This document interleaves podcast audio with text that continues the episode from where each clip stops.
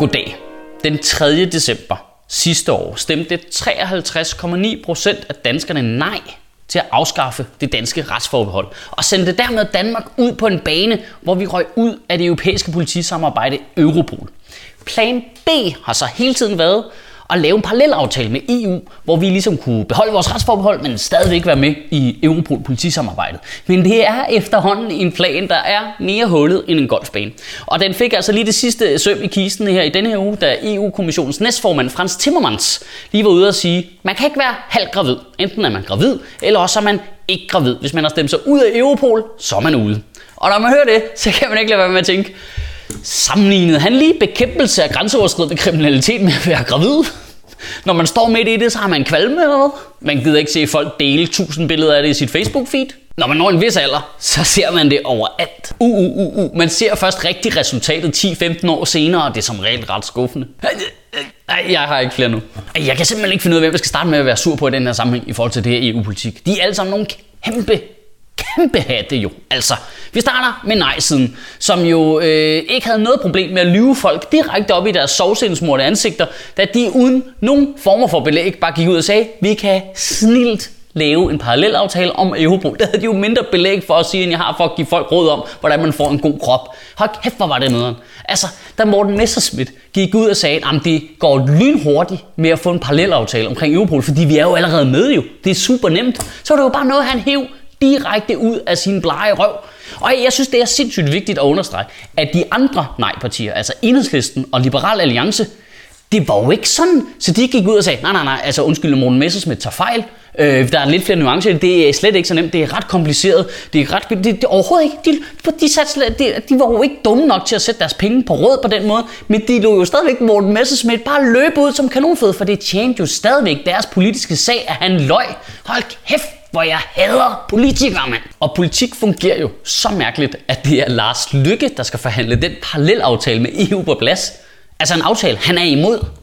Altså han skal forhandle en aftale, han ikke selv kan lide. Det er simpelthen så underligt. Det burde jo være dem, der har lagt lorten, der skulle rydde op. Det er ligesom Nigel Farage med Brexit i England, der var sagde op lige bagefter. Hvad fanden er det? Så har jeg lagt en lort ind i stuen, så er jeg ude. Den kan I ordne. Den tager I bare. Det er så weird. Man kan jo ikke forvente, at Lars Lykke går hele hjertet ind i det projekt der. Det blev ligesom de der fyre, kender ikke dem? Dem der, der bruger deres kæreste derhjemme som undskyldning for at gå tidligere hjem fra byen, men i virkeligheden er det fordi, de bare er trætte og gamle og bare gerne vil hjem. Lars Lykke kommer bare til siden ned i EU og bare være, ja, altså dem derhjemme, de vil have en parallel aftale. Altså ikke mig jo. Altså jeg vil, jeg vil gerne blive, altså jeg, jeg, jeg vil virkelig gerne blive, men du ved hvordan det er, ikke? Altså hjemmestyret, du ved, kranen, kontroltårnet, can't live with them, can't get elected without them. Og ja-siden er faktisk de mest nederne i den her sammenhæng. Fordi der har nej-siden altså faktisk en pointe, når de siger, at ja-siden tog Europol som gissel i et forsøg på at snige alle de andre retsområder forbi os, da vi skulle stemme. Det var simpelthen så fucking uhederligt. Kan I huske Socialdemokratiets kampagne?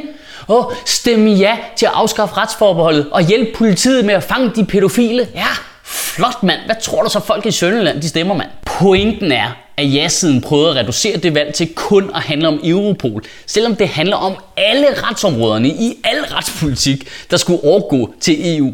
Det, det var simpelthen så fucking tavligt. Og lad os lige prøve, bare lige, bare lige så vi alle sammen med, lad os lige rise op, hvem er ja-partierne egentlig? Det er Venstre, det er de konservative, det er de radikale, det er Socialdemokraterne, og det er SF. Det er alle de partier, som de fleste af os, der kigger med her, normalt vil sige, det er, de, det er de normale partier, det er dem, der ikke siger og gør alt for sindssyge ting, men de var der ikke for fine til lige at prøve fucking narre os alle sammen. Nej, hvor jeg hader det. Nej, hvor jeg fucking hader det, mand. Politikerleden har ikke været højere i 25 år, end den er i år. Det er lige kommet frem i denne her uge, og det er sgu da ikke svært at forstå, hvorfor, mand.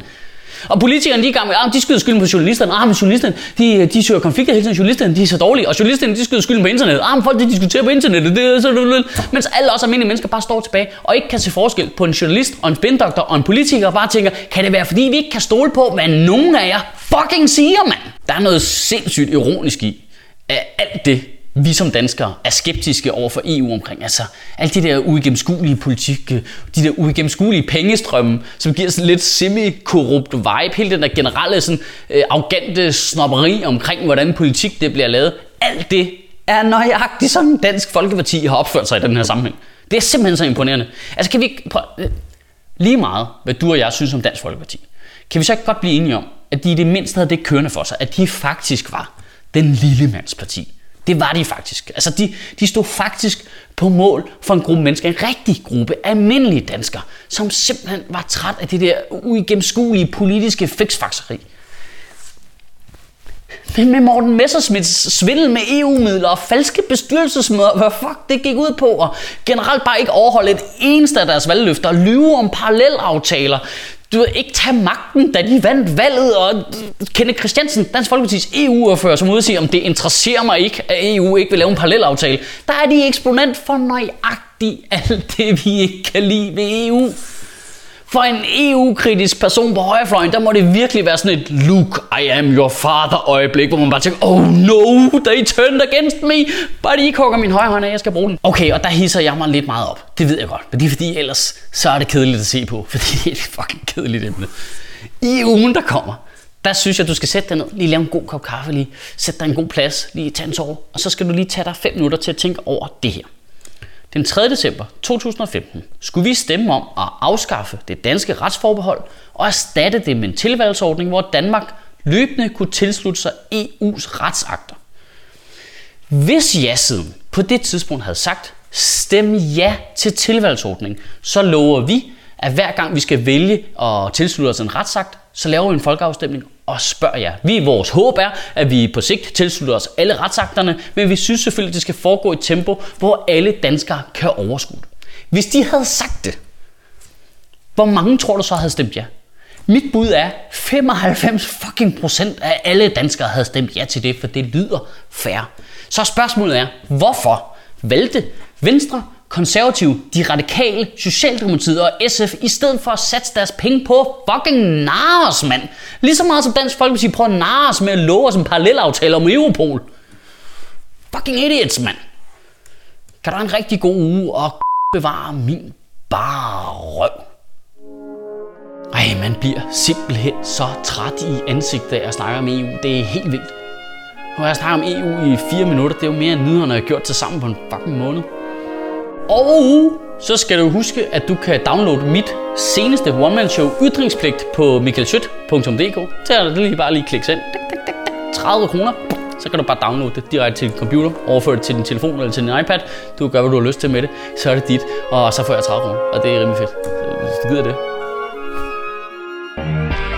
Hej, har du lyst til at støtte vores crowdfundede komedieserie? Ja, det har du faktisk.